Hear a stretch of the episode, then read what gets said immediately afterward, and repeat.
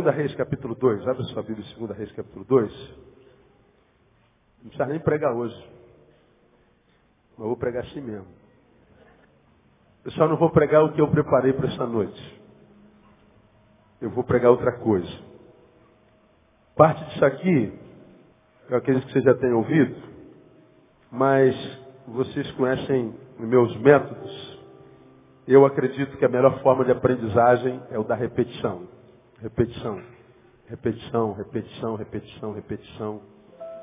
E à medida que a gente vai ouvindo, a gente vai retendo, retendo, retendo, daqui a pouco faz parte de nós e sai sozinho.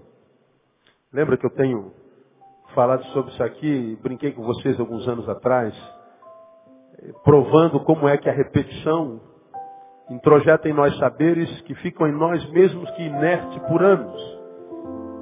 Mas se a gente startá-los, startar esses saberes inertes por anos, décadas, eles sobem o elevador da, da inconsciência, vem a consciência e a gente lembra dele. Me lembro que falei sobre isso aqui há bem pouco tempo atrás. Aí cantei com vocês algumas músicas, né? Como por exemplo, ah, o tempo passa, o tempo voa, e a poupança Bamerindos continua numa boa.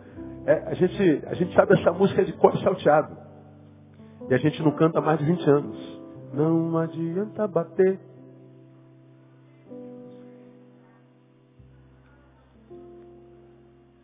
Trinta anos, irmãos.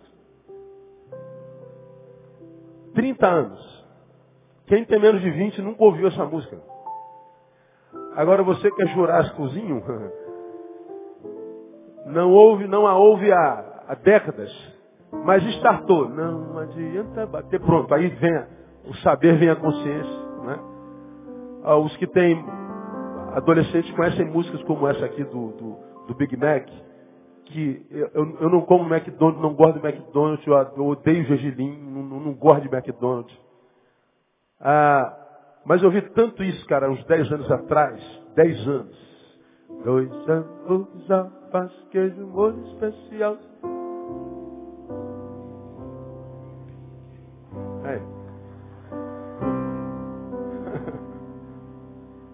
Tá aí, cara. Tem 10, 15 anos que a gente não canta os troços.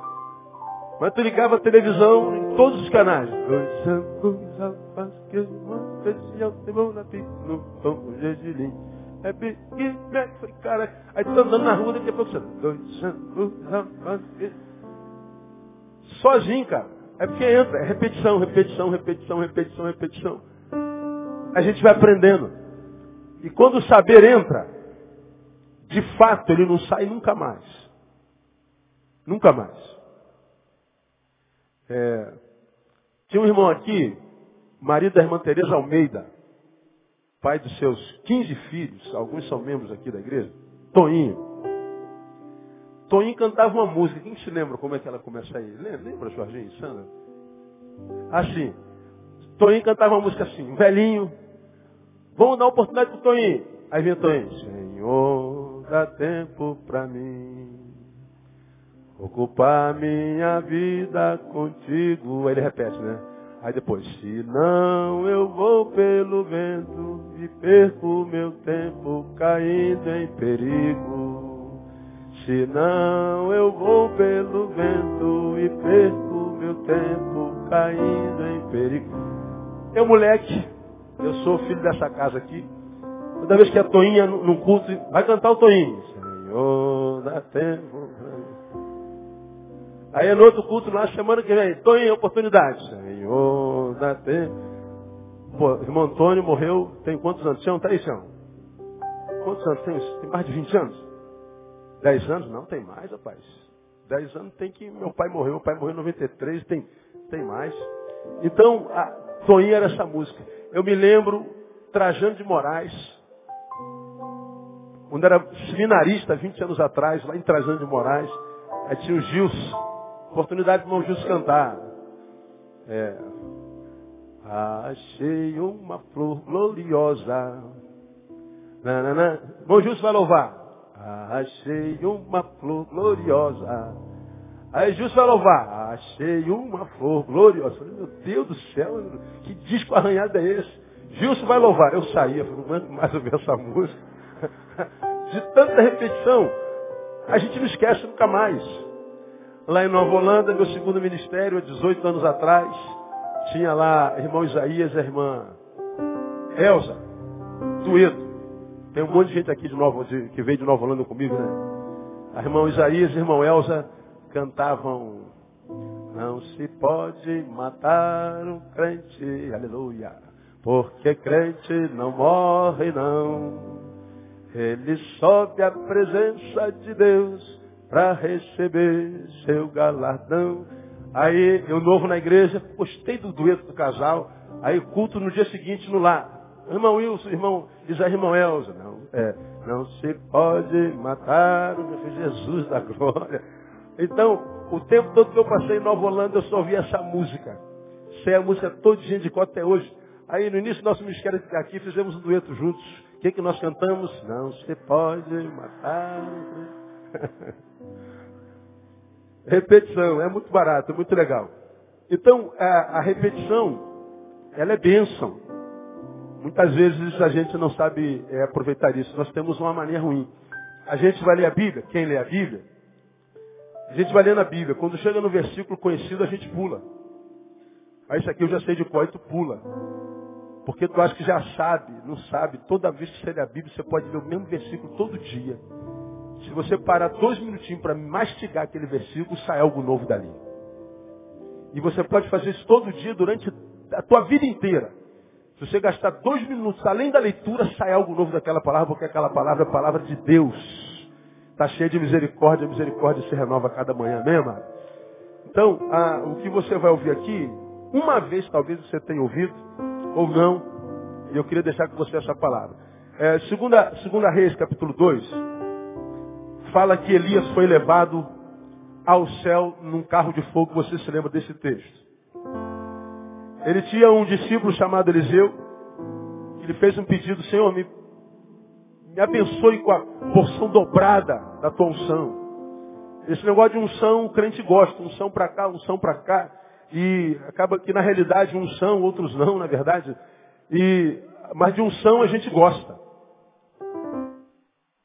E diz que Elias foi arrebatado num carro de fogo, a gente vê isso do versículo 1 até o versículo 11.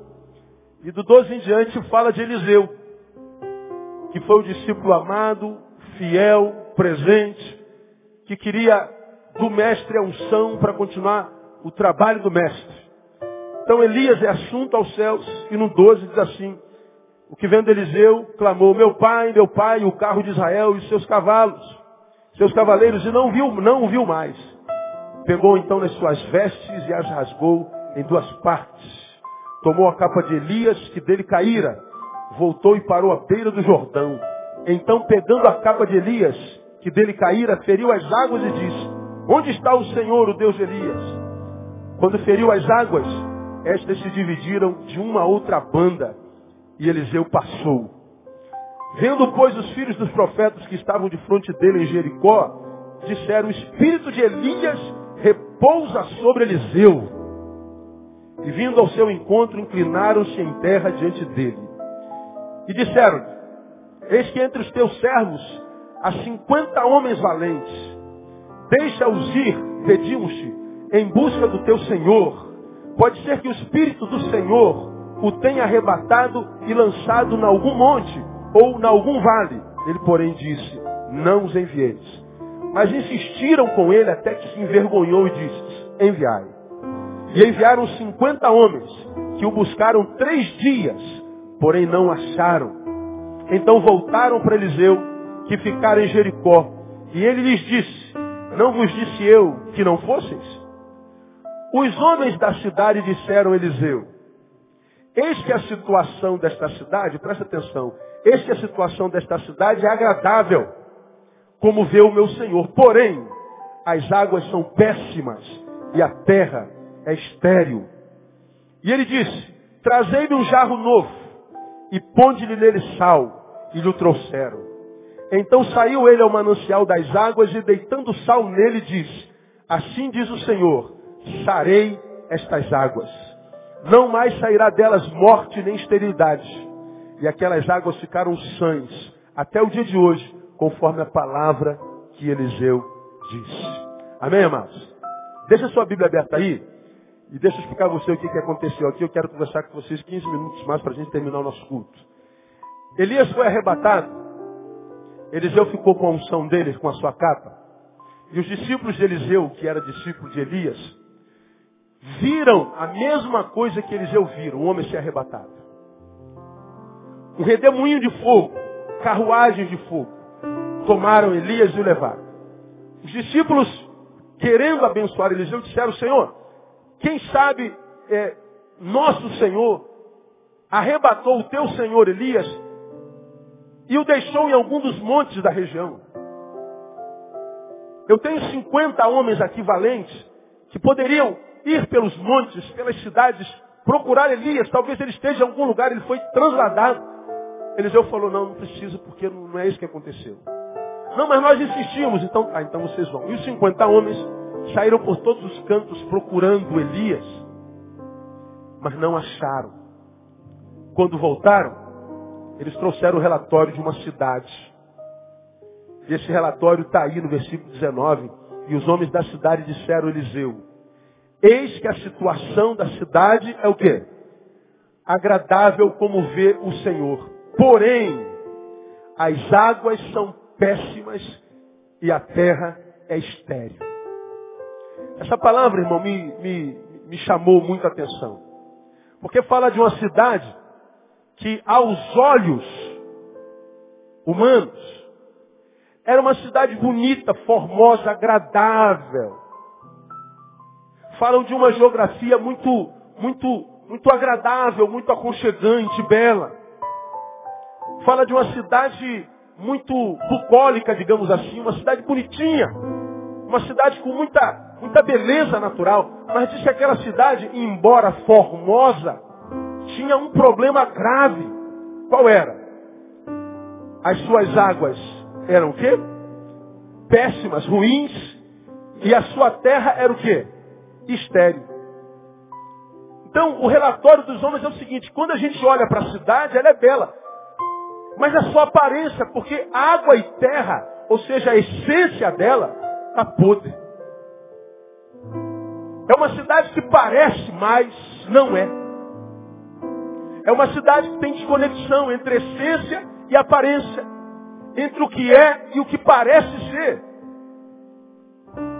O relatório dos discípulos de Eliseu, entre outras coisas, era o seguinte, Senhor, nada do que os nossos olhos veem é o que é. Porque o mais importante, a água e a terra não prestam.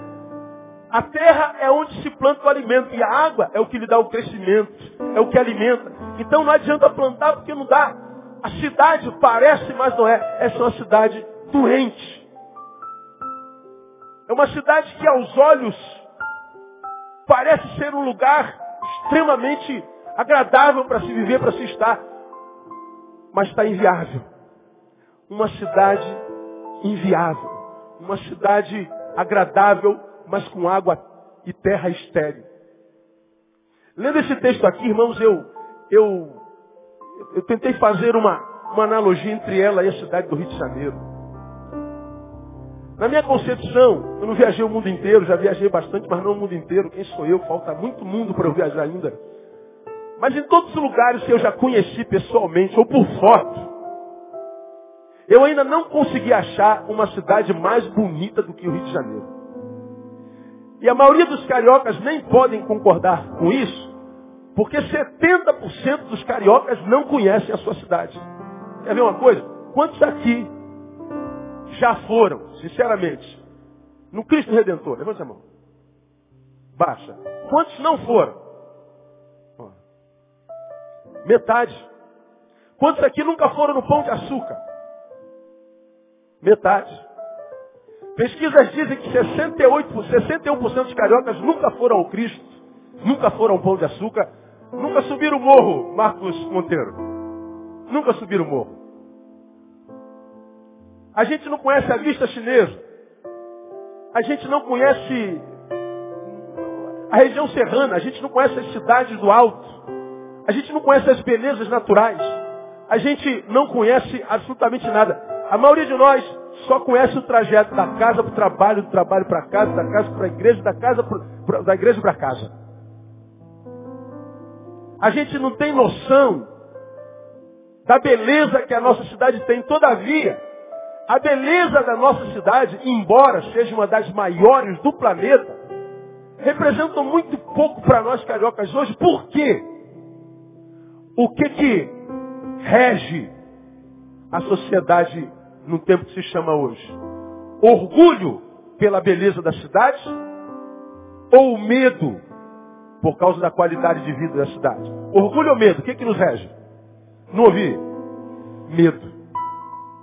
Diante do medo que sentimos, o orgulho pela beleza não vale nada. Pastor, eu preferia que, que, que Deus tirasse o pão de açúcar, tirasse o, o corcovado, que Deus acabasse com as cidades serranas e trouxesse paz para nossa cidade. Eu prefiro morar numa favela para apaziguado do que morar na zona sul em guerra.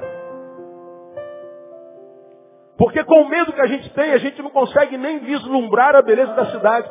É, é uma comparação forçada, mas eu acho que essa cidade aqui tem a ver com o que nós vemos hoje. Uma cidade linda, mas uma cidade que está estéril com relação à qualidade de vida. Nós, enquanto sociedade carioca ou não, de qualquer sociedade do planeta, somos diferentes um monte de coisa aqui, ó, nós somos diferentes na, no grau de instrução. Tem gente que tem graduação, pós-graduação, pós-graduação, pós-graduação, mestrado, doutorado. Tem gente aqui que só tem segundo grau, primeiro grau, tem gente aqui analfabeta. Nós somos diferentes no nosso grau de instrução, somos diferentes na cor, no peso. Nós somos diferentes na forma de ver a vida, na religião. Nós somos diferentes na aparência, na estética. Somos diferentes no sentimento que nos rege. Mas um sentimento nós temos comum enquanto sociedade brasileira é o medo. E o medo é o sintoma, é o sentimento preponderante. Prova disso é a quantidade enorme de pessoas que têm transtornos no tempo de hoje. O número de transtornos e os mais modernos transtornos estão brotando na nossa sociedade a cada manhã, a cada manhã, a cada manhã. Transtornos a respeito dos quais nós não ouvimos falar nas últimas décadas, são novos. Como você me tem ouvido falar, nós vivemos de tal forma tomado pelo medo, que esse medo gera três suicídios por dia no planeta, 25 suicídios por dia no Brasil. Medo. Agora nós moramos num dos países mais abençoados do mundo. Numa das cidades mais lindas do planeta. Mas a essência dela é morte. A essência dela é esterilidade. A essência dela é infertilidade, esterilidade. Esterilidade é o quê? Sinônimo de frustração. Por que, que esterilidade é sinônimo de frustração? Porque só se frustrou quem tentou e não conseguiu. São tentativas vãs. Agora o que, que acontece quando a gente vive se frustrando? A gente acaba desacreditando de que dias melhores virão. A gente tenta melhorar, tenta melhorar, a gente tenta andar certo, a gente tenta ser honesto, a gente tenta cumprir o nosso papel, mas a gente sendo honesto, andando certo, a gente só leva ferro. A gente só leva na cabeça como é difícil ser honesto nesse país. Quem é empresário aqui sabe, para legalizar uma empresa é uma dificuldade. E quando legaliza, a taxa tributária é tão grande que a gente não aguenta, quebra. Saber que a gente compra um açúcar e o valor do açúcar é menos de 50%, porque os outros 51% é imposto. Não dá para andar certo. Andar certo é muito frustrante. Aí o que, que a gente acredita? Não tem jeito. Pastor está perdido. Não tem mais jeito. Aí a força que acaba nos movendo é como eu disse aqui alguns anos atrás, é aquela palavra que sai da boca de quem está frustrado e quem já não acredita mais. Quer saber? Que se dane. Dane-se. Eu vi essa palavra, por isso eu mudei o sermão de hoje. Eu vi a palavra dane-se hoje duas vezes. Acabou o culto, eu estava indo para o meu gabinete, eu sempre deixo a Bíblia lá para voltar para casa e à noite eu volto para cá para rever meu sermão. Aí eu estava na cantina, tinha duas criancinhas brincando. Aí ela falou, puxa vida, eu te dei o negócio, você não me devolveu, cadê, cadê o negócio que eu te dei? Poxa, eu, eu te dei, mas é do, do fulaninho, eu falei que ia devolver para ele, e agora eu estou mal com ele, fulaninho, você tem que me, de, me dar porque quem vai ficar mal sou eu. Ela falou assim, dane-se você. Oito anos, nove anos. Dane-se é sofra dano. Dane-se. Eu não sei do que, que eles estavam falando. Mas uma criancinha já está sofradando. Dane-se. Como que diz, não estou nem aí para você. Bom, desci do gabinete e vim para o carro. Tinham dois adolescentes no caminho. Aí eu estou passando, eu não sei o que, que eles estavam conversando, mas ouvi um menino falando assim, dane-se me chamou a atenção de novo. Aí eu parei, cumprimentei alguém do meu lado, só para continuar ouvindo a conversa, na verdade. Aquele espírito de fofoca que nos acompanha. Você também não tem esse espírito, sim ou não? Pois não, aqui não, aqui os fofoqueiros não vieram. Aí eu falei, eu ouvi um dane-se lá e agora estou ouvindo outro dane-se. Aí fiquei ouvindo a conversa, ó. O outro falou assim, pô cara, tu não se importa não? Se importa com o que é, vai acontecer com o nosso brother. Ele disse exatamente assim. Quem é que se importa comigo? Quem está preocupado com a minha dor? É o mesmo espírito da criancinha. Dane-se. Não tem mais jeito, cara. Dane-se. Já que não tem mais jeito, farinha pouca, meu pirão primeiro. Vovó, capítulo 1, versículo 2, né? Vovó já dizia isso. Dane-se, essa é a palavra, irmão. Dane-se. E ao meu ver, esse é o espírito que rege essa geração que já não curte mais o belo, a não ser do sexo oposto. Tirando a beleza do sexo oposto, o belo, nem filosoficamente, tem mais valor quase. Dane-se. E a máxima de quem quer viver a vida com intensidade é o seguinte, quebra tudo! Essa é a dinâmica, quebra tudo, ou seja, acabe com um belo, acabe com aparência, porque não tem mais jeito, meu. Tira o teu e o resto que se dane. Aí nessa tem a ver com a palavra da Cíntia. Eu quero tirar meu pão, mas o cara vai ficar sem pão, dane-se. E nós vemos uma realidade que nós vivemos na nossa cidade, no nosso Brasil. Violência epidêmica, endêmica, em todo canto há violência. Violência, violência, violência, violência. Dor, dor, dor, dor, dor. A gente vê um cara matando por nada. Você viu essa semana um camarada já estava separado da mulher de um ano aqui em Marechal Hermes. Miserável vai à casa dela e joga fogo na mulher queima a mulher toda. Aí vai preso. Você está arrependido? Eu não. Eu já sabia o que eu ia fazer. O que, que adianta fazer uma coisa e depois se arrepender? O que está feito, está feito.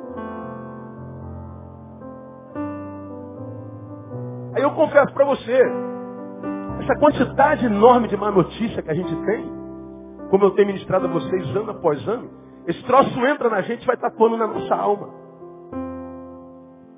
Troço vai colando na nossa alma pelo lado de dentro. Daqui a pouco a gente não consegue mais tocar na alma porque está impermeabilizada.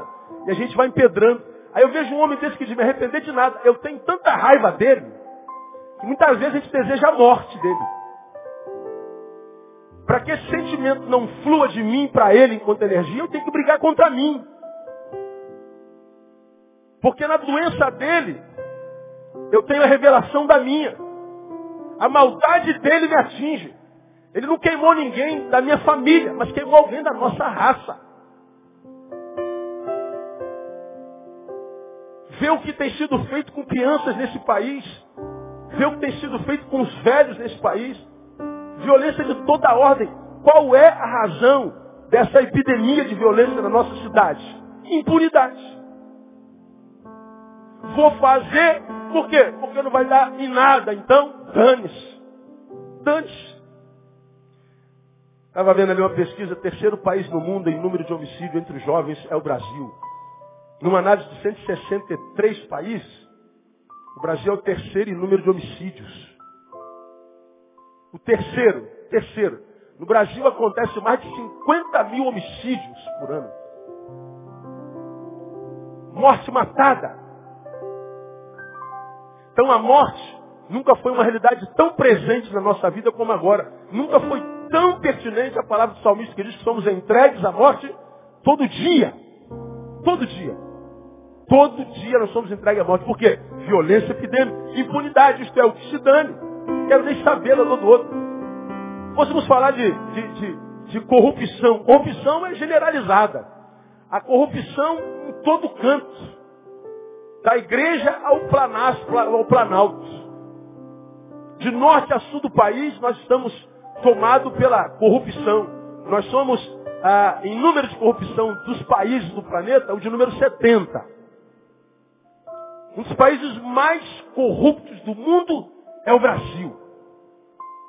Agora, interessante é que nós somos roubados enquanto país desde que nós fomos descobertos, porque o nosso país nasceu na injustiça social. Quando nós chegamos, os donos da terra estavam aqui. Quem eram eles? Os índios. E nós, brancos, chegamos e os vilipendiamos. Os matamos e os religiosizamos. Vão ter que vestir a nossa roupa, professar a nossa fé e vão ter que nos servir, porque é o seguinte, perderam. Já ouviu essa palavra uma vez? Perdeu? Nasceu lá, no nascimento do país. Somos roubados desde que o Brasil existe. Dinheiro vão para o ralo o tempo inteiro. Agora, veja a grandeza desse país, irmão. A gente é roubado aos bilhões todo ano, mas o país não quebra o país continua crescendo. Imagina se o país não tivesse corrupção. O pastor Marcos Monteiro pregou hoje de manhã, ele citou Marcos Terena, que é um, um, um, índio que trabalha com missões no Brasil, que é da tribo dos Terenas. E ele estava numa palestra, Marcos Monteiro faz parte do Marco Terena, e Marco Terena falou que enquanto estava na tribo, enquanto ele era só índio e não trabalhava entre os brancos, ele não conhecia a palavra pobreza e nem conhecia a palavra fome, porque na tribo não existiam essas palavras no vernáculo. Eles não conheciam a palavra fome. Só veio conhecer a palavra fome, só veio conhecer a palavra pobreza quando ele começou a se relacionar com os brancos. E quando ele ouviu a primeira vez a palavra pobreza e a palavra fome, ele não sabia do que, que estavam falando. Porque se essa, essa conotação de pobreza e fome há entre nós por causa da corrupção. Como eu falei, citando a palavra da, da, da, da, da Cíntia, só há gente com fome porque há gente com mais de um pão. Só há professores desempregados porque há professores com dez matrículas. Só há funcionários públicos que não estão trabalhando, embora pudessem, porque estão concursados e aprovados, porque há filhos de, de, de, de poderosos com quatro, cinco cargos. Então a razão da fome não é Deus, sou eu. Somos nós. O faminto passa fome porque tem gente comendo mais do que precisa. Só tem gente sem teto porque tem gente com mais teto que usa. Agora, qual é a razão dessa corrupção generalizada? Egoísmo. E a pergunta é, e o outro? Se dane. Se dane o outro, pastor. Essa é a palavra de ordem, dane-se. Se a gente fosse falar da sexualidade patológica. Porque é um dos poucos prazeres que o ser humano tem que não precisa pagar nada. Então é onde tudo desemboca. E aí a gente vê o sexo que é uma bênção. Graças a Deus que Deus, quando nos criou, pensou em sexo. Amém ou não? Ó, tem meia dúzia que gosta, né? Ainda. Então, graças a Deus, é presente Deus. Agora, como é o prazer mais iminente, mais próximo, portanto, pertinente, tudo desemboca lá. Como eu tenho pregado nesses últimos meses, tem sido um escândalo horrível nesse país inteiro, minha fala, quando eu digo que essa geração é uma geração escrava desse pedaço do corpo. Parece que ele não tem pernas, braços, tronco, cabeça. Ele só tem essa parte do corpo aqui. Todo o prazer dele é restrito a essa parte do corpo. E aí a gente vê todo tipo de patologia, que na verdade é a coisificação do ser humano, como eu tenho pregado aqui repetidamente. O ser humano não é mais um ser a ser amado, é um ser a ser usado e usado para o meu prazer. E depois que essa coisa é usada para o meu prazer, essa coisa é descartada.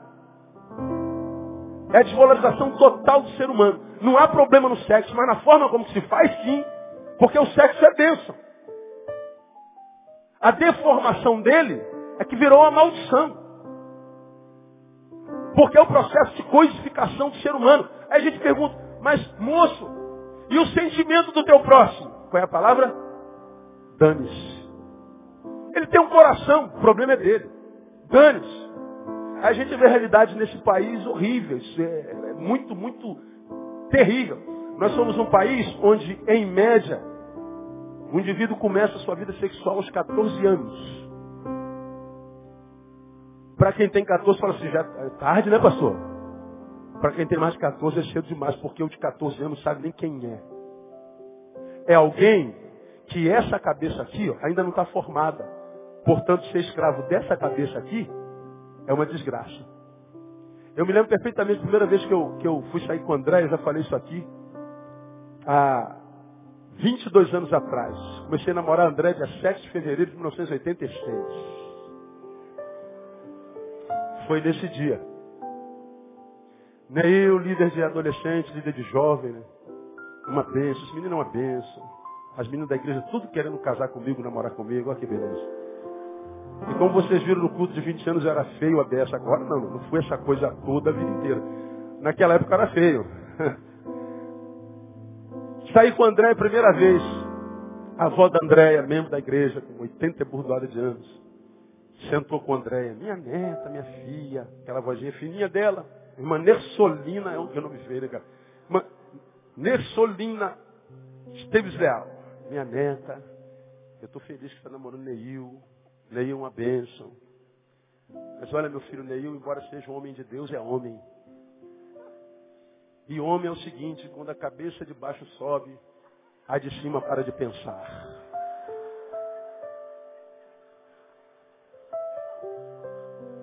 André me falou isso ó, muito tempo depois.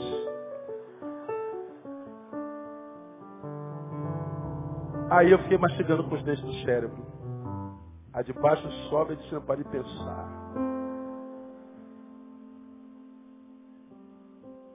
Da onde ela tirou isso? Nunca fez faculdade. Não sentou em bancos escolares mas ela disse a verdade ou não disse? Disse. Quando uma pessoa que tem essa cabeça aqui ainda não está pronta, se torna refém da outra, ela está começando a sua vida sexual, portanto, humana, possivelmente familiar, de forma deformada. Ela começa errado. Tudo que começa errado acaba. Tudo que começa errado gera dor. Tudo que começa errado deforma. Como diria a mesma vovó, o apressado come cru. Veja, o apressado come cru, mas come. O apressado não morre de fome. Ele não morre de fome, ele morre de qualidade de vida, falta de qualidade. Ele não vai morrer pela fome, mas vai viver sem qualidade. A vida que podia ser qualificada pela comida boa, que a gente esperou cozinhar, cozer, fritar, sei lá o quê, para que a gente comesse com sabor, a gente está comendo só que sem sabor. Sem sabor não gera qualidade de vida. A vida fica sem sentido, sem razão. E é por isso que tem tanta gente desistindo da vida. Por isso que a família está acabando. Porque nossas crianças estão começando cedo demais. Um dado interessante além desse. 20% das crianças que nascem no país são filhos de adolescentes, ou seja, de gente com menos de 19 anos. De cada 10 crianças que nascem no Brasil, duas delas são filhos de adolescentes. E mais, 1,4 milhão de abortos por ano nesse país. E o aborto é legal, portanto, é impossível mensurar todos individualmente. Esses 1,4 milhão de, de aborto é daqueles que são registrados. Agora imagine os não registrados. Aí você vê essa geração bonita, mas perdida. Jovens vazios. Toda vez que conversa sobre uma coisa é sexo. Só pensa em ficar, ficar, ficar, trepar, trepar, trepar, comer, comer, comer, dar, dar, dar. Não conversa outra coisa. Salvo sempre a minoria. Por que essa sexualidade patológica? Porque a gente não é ensinado mais a sentir, a gente é ensinado a produzir. A gente não mensura mais o amar, o estar. A gente mensura o trepar. Quantas você comeu essa semana? Rapaz, fiquei com cinco. E daí? Você é o que? Um reprodutor? É um garanhão? Ou você é um ser humano? E o sentimento do outro?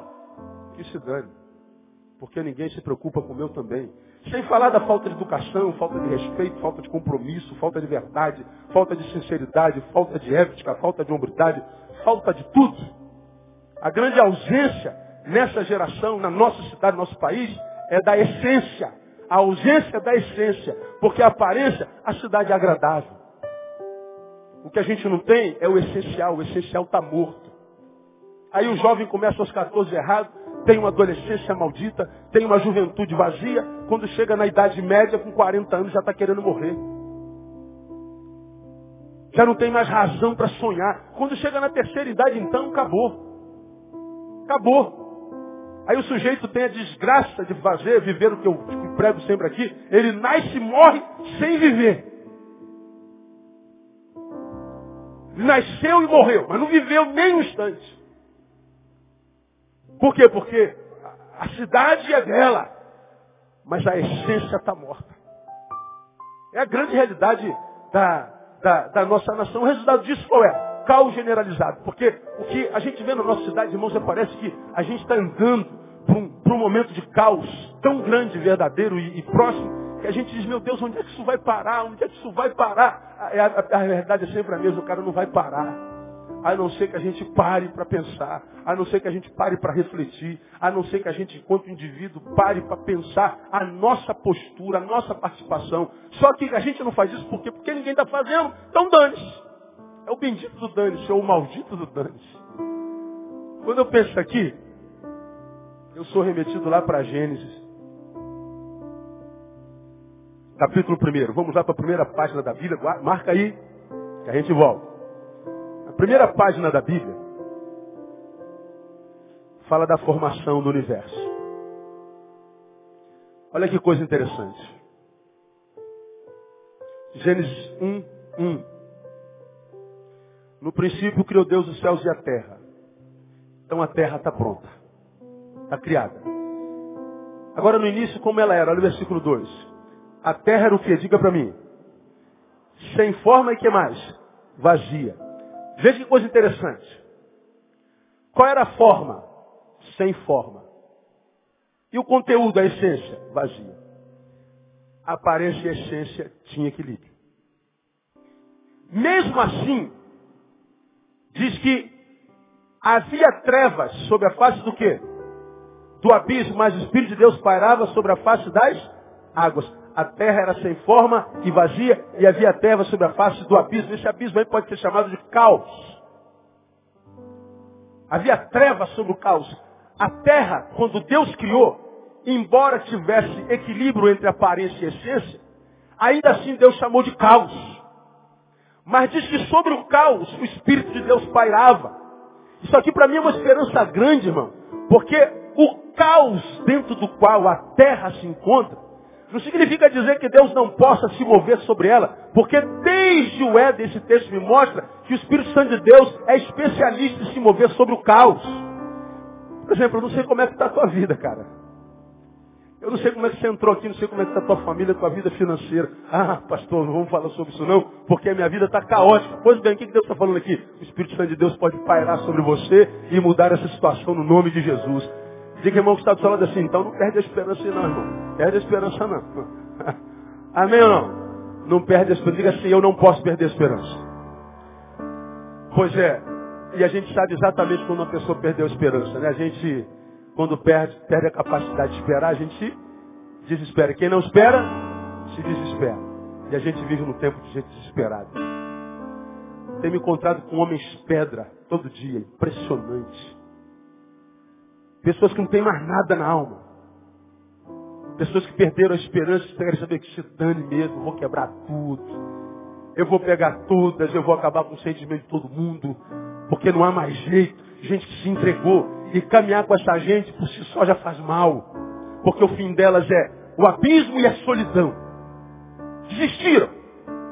Agora não deveriam fazê-lo porque a Bíblia diz que o Espírito de Deus paira sobre a face do caos. Agora, o interessante é que Deus, porque pairava sobre a face do caos, ele começou a dar forma a essa forma caótica de ser na terra. Diz o texto que Deus começou a dizer, haja luz e houve luz.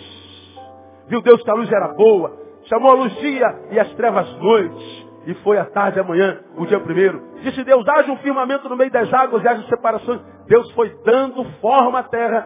Deus foi colocando as coisas no lugar. Deus foi arrumando a casa, Deus foi acabando com o caos. Pois bem, quando o caos é Deus quem produz, Deus dá jeito.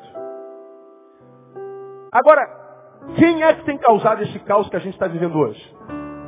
Quem é que tem causado? Quem é? Diga, eu. Diga, nós. Pois é. Todos nós. Porque mesmo que você ache muito bonzinho, certinho, você é o cara. Acha que não contribui para o caos porque você não faz mal a ninguém. Pois é, isso já é bom. É meio caminho andado. Mas o que destrói a terra não é só a ação dos maus, é a omissão dos bons.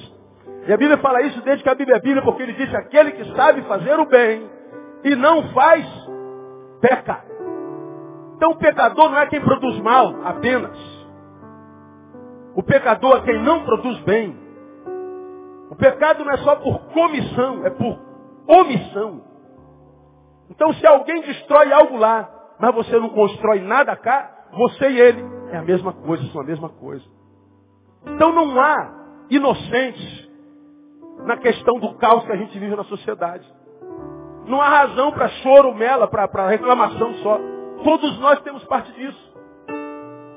Não tem a ver com os políticos só, eles não prestam, é verdade. Mas quem é que os coloca lá? Quantos daqueles deputados safados sem vergonha estão lá? Estão indo para o oitavo mandato, cara. Sétimo mandato. O cara está lá, portanto, lhe contribuiu para o caos que nós estamos vivendo, e a gente coloca o cara lá direto. Converso com pessoas.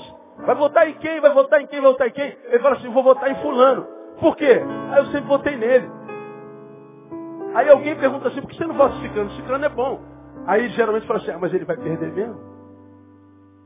A gente quer votar em quem vai ganhar. Mas e se quem ganhar não presta? Não, não tem importância, ele pelo menos ganhou. Eu votei nele, eu votei em quem ganhou. É, pois é, a vitória dele é a tua derrota. É a tua desgraça. Ele só está lá porque eu pus lá. Então não há inocentes. Portanto, irmãos, eu acho que essa palavra aqui tem a ver com o que nós estamos vivendo hoje. A situação da cidade é agradável, mas a essência é estéreo, a essência é morte. A diferença é que quando o caos lá do Gênesis foi produzido por Deus, Deus cura. Mas o caos de hoje, a gente fica, por que, que Deus não faz alguma coisa? Porque quem produziu esse caos somos nós. Quem tem que consertar esse caos somos nós. E Deus nos ajuda. Ele só não faz, ele ajuda a fazer. Ele diz, esforça-te e eu te ajudarei. Não adianta, meu irmão, você bater na sua mulher e a tua mulher ir embora e você ir para o quarto orar pedindo para Deus trazê-la de volta. Não adianta ter roubado na tua empresa e a notícia vazou e para o quarto orar, Deus me ajudou a preservar o emprego. Não adianta. Quem tem que buscar a mulher é você. Quem tem que devolver o negócio do roubo é você. Quem tem que pedir perdão é você. Deus não faz, Deus ajuda a fazer. Portanto, Ele faz através da gente. Nós somos as mãos de Deus, amado. Nós somos o corpo de Cristo nesse planeta. Ele conta com a gente, ele não precisa da gente, mas ele conta pra, com a gente. Nós é que temos que fazer. Agora, a, a, a resposta de Deus para esse tempo é o homem. E o pior, Deus não tem segundo plano. O único plano que Deus tem é o homem. Aí aqui nesse texto, é, faz a gente pensar sobre Gálatas 6,7, onde A Bíblia diz que Deus não se, escar não se escarnece, mas tudo aquilo que o homem semear, isso também fará. Nós estamos colhendo o que plantamos. Todo hoje é filho do ontem. Se nós queremos um amanhã melhor do que hoje, hoje nós temos que plantar algo diferente daquilo que plantamos ontem para estarmos colhendo isso hoje. Se queremos mudar isso hoje, nós temos que plantar outra coisa diferente para que amanhã nós colhamos algo diferente, porque se nada foi feito, a gente vai de mal a pior. Agora interessante que embora essa cidade vivesse uma desconexão entre aparência e essência, a essência era estéreo, a terra era péssima, a água era péssima, a terra era estéreo, diz o texto que a cidade foi sarada pela ação de um homem. E Eliseu disse lá no versículo 20 do capítulo 2 de 2 Reis, trazei um jarro novo, ponde nele sal. E o trouxeram. Então saiu ele a um manancial das águas, e deitando sal nele, aquela água com sal, disse, assim diz o Senhor, sarei estas águas. Não mais sairá delas morte nem esterilidade. Agora olha que coisa interessante a aparência da cidade rua. Essência morte. Qual foi a solução para a cura daquela cidade? Diga o sal. Sal. Muito bem. O que, é que Mateus capítulo 5, versículo 13 diz? Vós sois o sal da terra. Essa palavra é um prenúncio do futuro que viria, e esse futuro chegou. Quando Jesus reúne a multidão e os seus e diz, vós sois o sal da terra, ele está fazendo alusão à qualidade da terra que nós viveríamos e que nós seríamos a cura. Nós seríamos a cura para a doença que nós mesmos produzimos. Agora o texto fala que esse sal que somos nós, precisamos existirem duas perspectivas. Nós não temos escolha, irmão. Não há terceira opção, acho que só duas. Porque Mateus 5,13 diz, vós sois o sal da terra. Definição de identidade. Depois ele avança. Mas se o sal não salgar, ou seja, se tornar insípido, quem conhece o texto aí? Diga o resto. Para nada mais o que? Presta. Senão para quê? para ser lançado fora e pisado pelos homens. Neil, você é sal. Ou você salga, ou você não tem razão de existir. Você não presta para nada. A não ser para ser jogado fora e humilhado, pisado. Você não vai viver, você vai existir. Vai ter nascido e vai morrer, mas não vai ter vivido. Talvez isso explique a razão da qualidade de vida da maioria dos seres humanos, inclusive crentes que a gente conhece. Vida sem sentido. Vida nas quais a vida de Deus não para, não estaciona. Vidas dentro das quais a vida de Deus não flui, de cujo interior não flui rios de água viva. Parece que são cisternas rotas, como diria Jeremias Abaruque. Por que, que a vida de tantos de nós não encontra sentido? Porque a vida de muitos de nós não consegue reter que de bom a vida nos dá. Porque nós somos uma vida de sal dentro do saleiro. Sal que não salga. E Deus está dizendo, você não presta para nada. A não ser para ser jogado fora, para ser humilhado. Para ser o que você não é. E ser o que se não é, é não ser. Não ser é horrível, irmão. É o tal do dilema shakespeariano, que eu já falei sobre ele aqui mil vezes. To be or not to be? That's the question. Ser ou não ser? Bom, nós já falamos sobre aqui. Qual é a resposta, Priscila? Ser. Agora o dilema evolui, né? Ser o quê? Pois é, pastor, aí que está meu problema, eu não sei. Eu não sei o que, que eu nasci, eu não sei qual a minha razão de ter vindo na terra.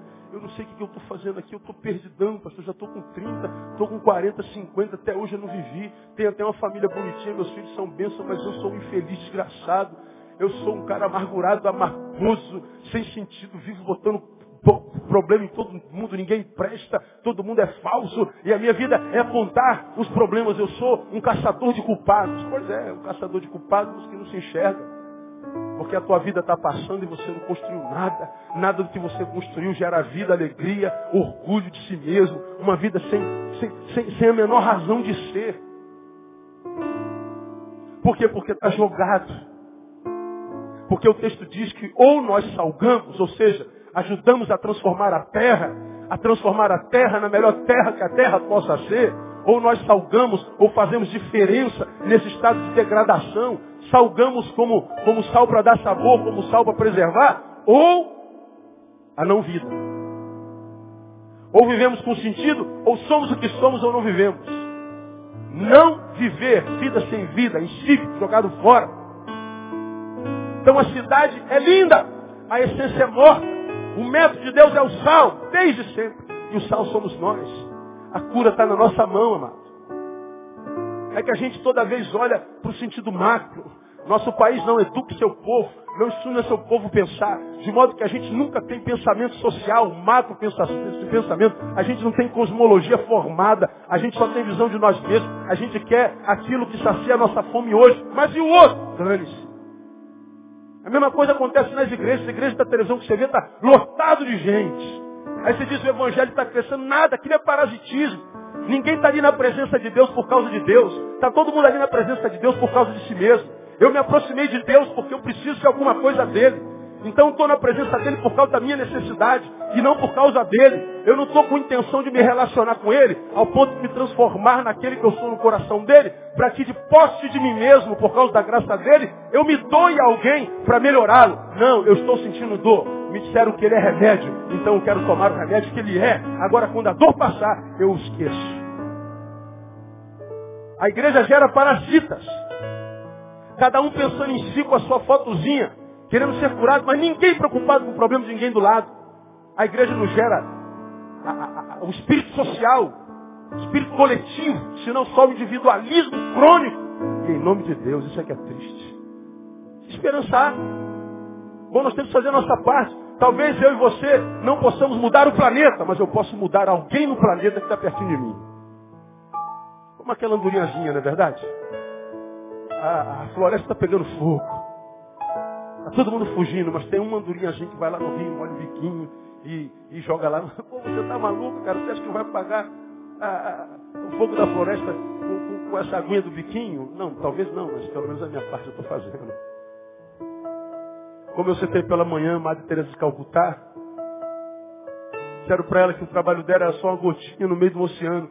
Ela falou, é verdade, meu trabalho é só uma gotinha no meio do oceano, mas o oceano sem essa gotinha seria mais pobre. E ela faz o trabalho de gota. E o que é a humanidade senão um mar de gente, mas um mar de gente que é composto por milhões de gotas. Cada um de nós é uma gota no oceano. E cada gota para Deus tem seu valor intrínseco específico. E se a gente ajudar uma gota a se transformar numa gota pura, Deus vai se alegrar de nós, irmão. E quando Deus se alegra de nós, Ele abre o céu sobre nossa vida e nos abençoa. Ele fala, todas essas bênçãos virão sobre ti e te alcançarão. Você tem aprendido aqui, abençoado é quem compartilha, quem abençoa. Abençoado não é quem tem bênção, é quem compartilha a bênção. Abençoado não é quem tem resposta de Deus para as suas orações, é quem é resposta de oração para a vida de alguém. A resposta para a cura da cidade é o sal. Essa é a solução. Agora, qual o método? É interação. Interação. Porque no versículo mesmo 20 diz lá, trazei-me um jarro novo, ponde nele sal. O sal não fez sozinho, o sal precisou de um jarro. E não podia ser qualquer jarro, tinha que ser novo. Então está ali o jarro, a juventude do jarro e o sal, os três juntos, misturados, integrados. Foram jogados no manancial. E naquela integração todo o manancial foi sarado, toda a cidade foi sarada. Irmão, é uma coisa tremenda. É, é muito simples, é o processo da sinergia, né? Ah, vem cá, varão. Não, paga o mico aqui comigo aqui rapidinho. Você está fincado no seu lugar. É aí o teu lugar de si. Mas aí vem a tempestade. Faz isso aqui, ó.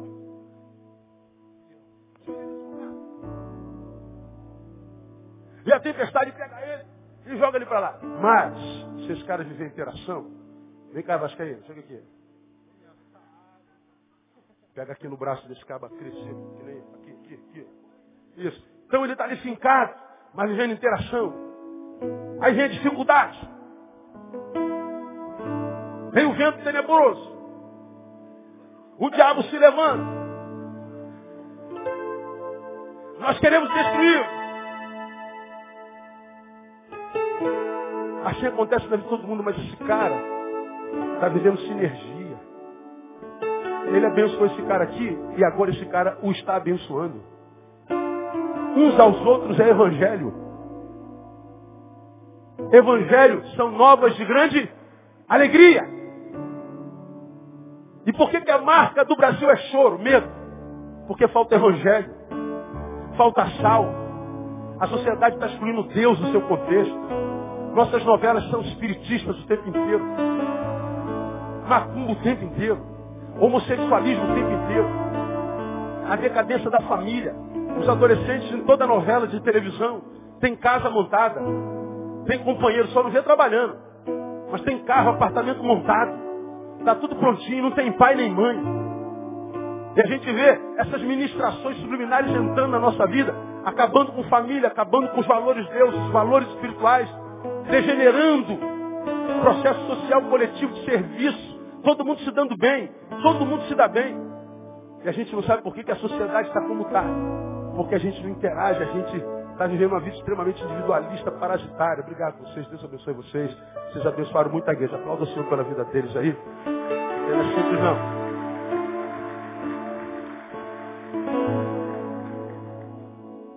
Interação. Interação. Agora olha que coisa interessante traga um jarro. Olha, um jarro novo. A gente vai a Mateus capítulo 9. Não se deita vinho novo sobre odres velhos.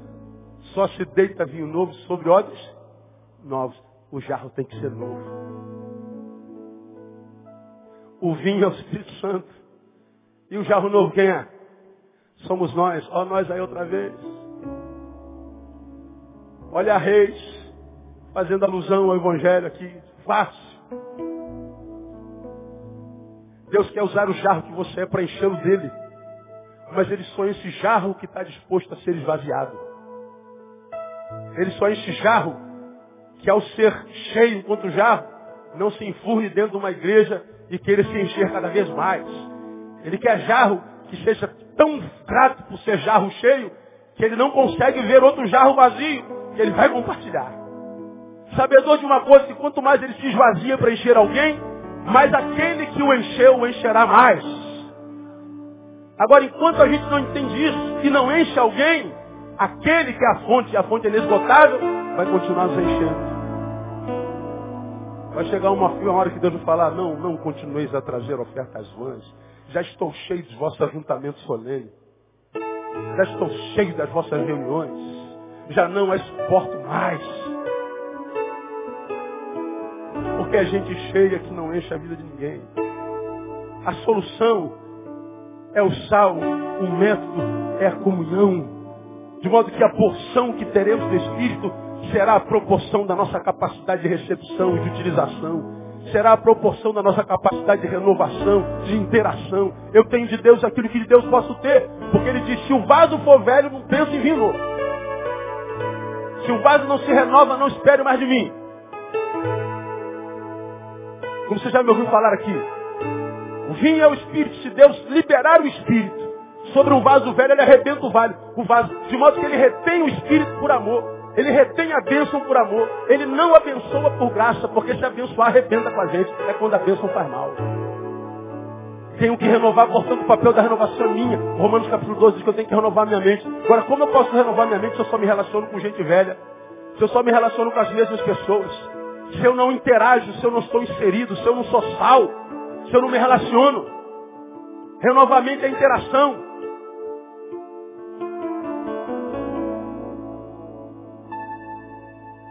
Eu lembro do método, eu lembro da promessa lá de, de crônicas, que é para nós, indiscutivelmente, se o meu povo, que se chama pelo meu nome, se humilhar e orar, e buscar a minha face e se arrepender dos seus maus caminhos, então, o que, que ele faz? Eu ouvirei do céu. O que mais? Perdoarei os seus pecados. É consequência disso. Sararei a vossa terra. Diga assim, o Rio de Janeiro tem cura. A cura sou eu. Diga, irmão que está do seu lado, a cura é você.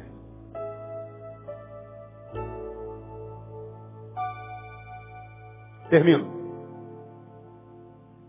A solução, sal. O método, interação.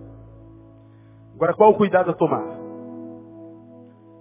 É o da ambiguidade. Olha que sinistro. O cara recebeu a unção do maior dos profetas maiores. O cara pegou um vaso novo cheio de sal e curou as águas de uma cidade inteira. O cara estava cheio da unção. As águas ficaram sandes, versículo 22. Agora olha o versículo 23. Então subiu dali a Betel. E subindo ele pelo caminho, os meninos saíram da cidade e zombavam dele, dizendo, sobe calvo, sobe calvo. Disse, ai careca, vai careca, sobe careca. Virando-se ele, Eliseu, para trás, os viu. E os amaldiçoou em nome do Senhor. Então duas ursas saíram do bosque e despedaçaram 42 daqueles meninos. E dali foi para o Monte Carmelo, de onde voltou para Samaria. É careca! Ah, velho careca! O mesmo cara que curou a cidade, volta para meninos. Deus amaldiçoou o nome do Senhor aparecem duas ursas e matam 42 meninos. Quem, quem pode explicar um negócio desse aqui, cara?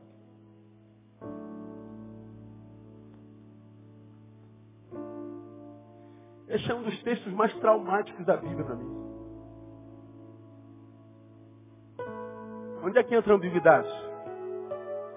O mesmo varão que tem poder de Deus para abençoar, tem poder de Deus para destruir. O mesmo varão que diz, Tu és o Cristo, Filho de Deus vivo, é o mesmo varão para quem Jesus diz, para trás de mim, Satanás.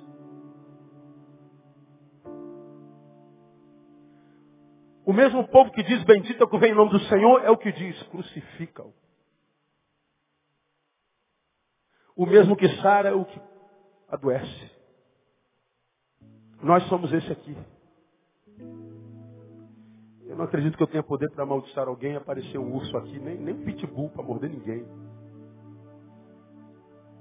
Mas a minha palavra pode adoecer muitos de vocês e levá-los à morte, nem que seja só existencial. A minha omissão, produzida pelo egoísmo, Pode fazer um doente permanecer doente por muito mais anos que ele precisaria estar doente. Porque se eu me manifestasse, quem sabe liberasse uma palavra, aquela doença já teria sido extirpada. O que esse texto está dizendo aqui, da mesma fonte, jorra bênção e maldição. Você pode ser uma bênção, você pode ser uma desgraça. Você tem diante de si o poder de Deus para construir, reconstruir, para abençoar, mas também tem o poder em si para destruir, para amaldiçoar, para fazer mal e produzir dor. Talvez a gente entenda porque Deus desde sempre tem posto dentro do seu povo, eis que põe de ti, diante de ti, a vida e a morte, a bênção e a maldição. Escolhei, pois, a bênção e viver. Nós escolhemos que vamos ser. Preguei domingo passado que quando a Bíblia fala que nós somos livres, na minha concepção, nós só somos livres para escolher a quem servir. Porque eu sou livre para escolher juntar com Ele, mas se eu não escolher juntar com Ele, eu estou dividindo. Quem não é comigo é contra mim, quem comigo não junta, espalha. Ah, pastor, eu não estou com Jesus não, mas também não estou contra. Tá sim. Está com ele? Não, então é contra. Está juntando com o reino dele? Não, então está destruindo, está espalhando. Agora, tudo que a gente faz, tudo que a gente produz, inclusive o nada, é semente, vai voltar para nós. O nada é matéria-prima. Então, quando a gente cria um, um, um fórum como esse, é para quem sabe as palavras ministradas ali gerem consciência, principalmente naqueles que, ao terem coragem de se olhar, se olham e diagnostiquem, eu poderia estar fazendo um pouquinho mais.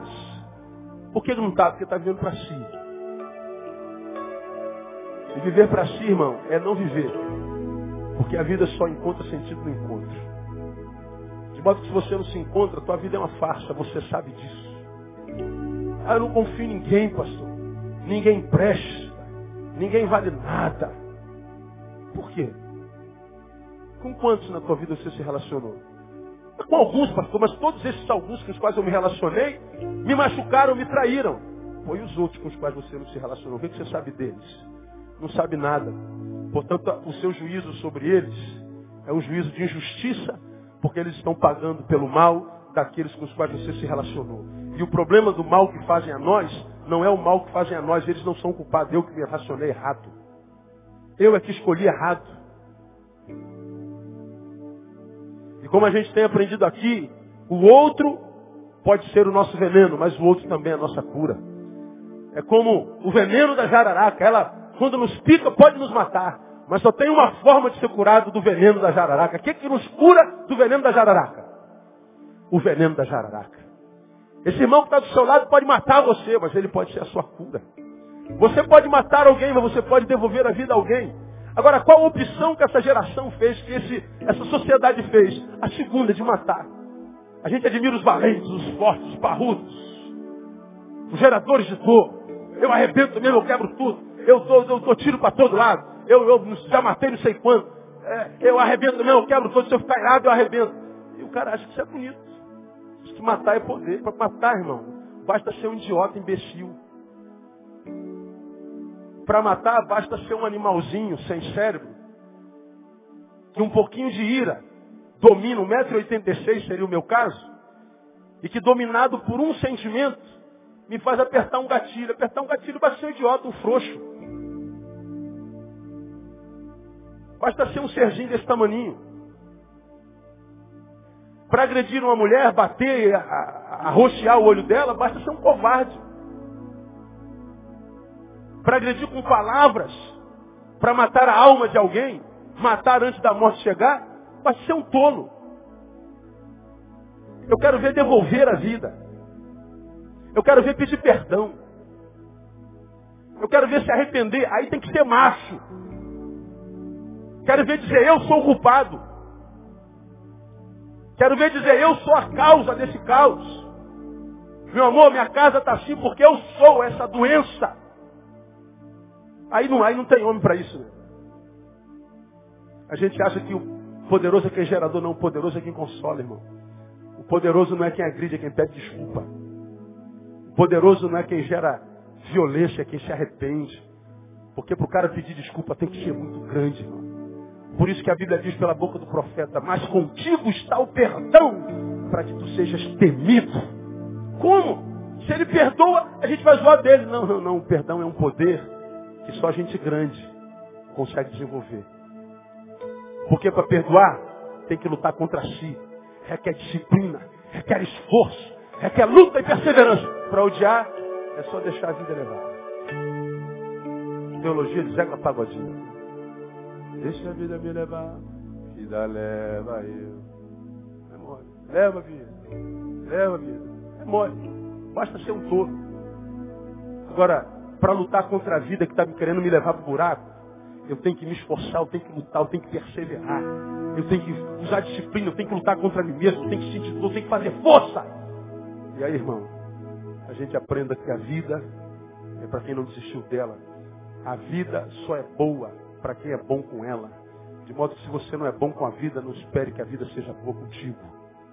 A vida será inimiga de quem a tem e não a vive com essência e com excelência. A vida é inimiga de quem não gosta dela. Como já preguei aqui, com isso eu termino. Mário Quintana disse que analfabeto não é quem não sabe ler, lembra disso? Analfabeto é aquele que sabe ler e não lê. Para quem dano analfabeto aquele que sabe ler e não ler. Eu faço uma, uma analogia. Para mim, morto não é quem morreu. Morto é quem está vivo e não vive. E a vida de um vivo morto é pior do que um morto defunto. Porque o defunto só não está vivendo porque não tem opção. Você tem opção e não vive.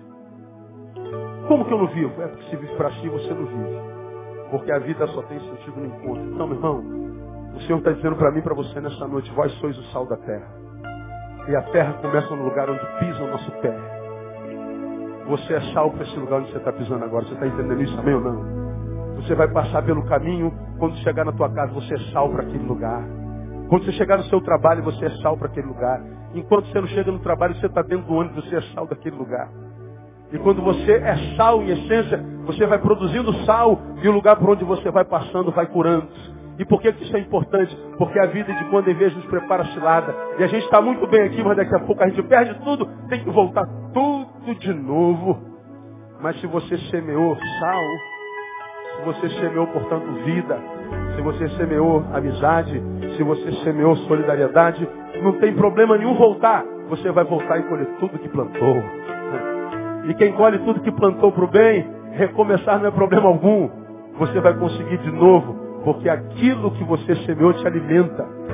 E aquele alimento é fruto do Espírito na tua vida, no nome de Jesus. Então, meu irmão, você entrou para adorar, propõe sair daqui hoje para servir. E peça ao Senhor, Senhor, faz de mim um vaso de bênção nas tuas mãos. Faz de mim um canal. Faz de mim como um farol que brilha à noite. Como ponte sobre as águas. Como abrigo no deserto. Quero ser uma flecha que acerta o alvo. E que adianta ser uma flecha se ela não acerta o alvo? Essa música é tremenda. Vamos cantar essa música para a gente encerrar. E, e ela me abençoa muito. É uma oração. Uma oração. Porque a nossa vida só encontra sentido. Não dá sentido à vida de alguém. Então, Ricardo, quando estava ministrando louvor, perguntou, você abençoou quem nessa semana? Talvez você não tenha abençoado ninguém. Proponha fazê-lo nessa semana que vem. Proponha ser uma bênção. Você vai ver, vai ver que quando for bênção, você terá bênção todo dia na tua vida. Quem recebe essa palavra com vida de Deus, que Deus receba essa palavra. Aplauda o Senhor bem forte.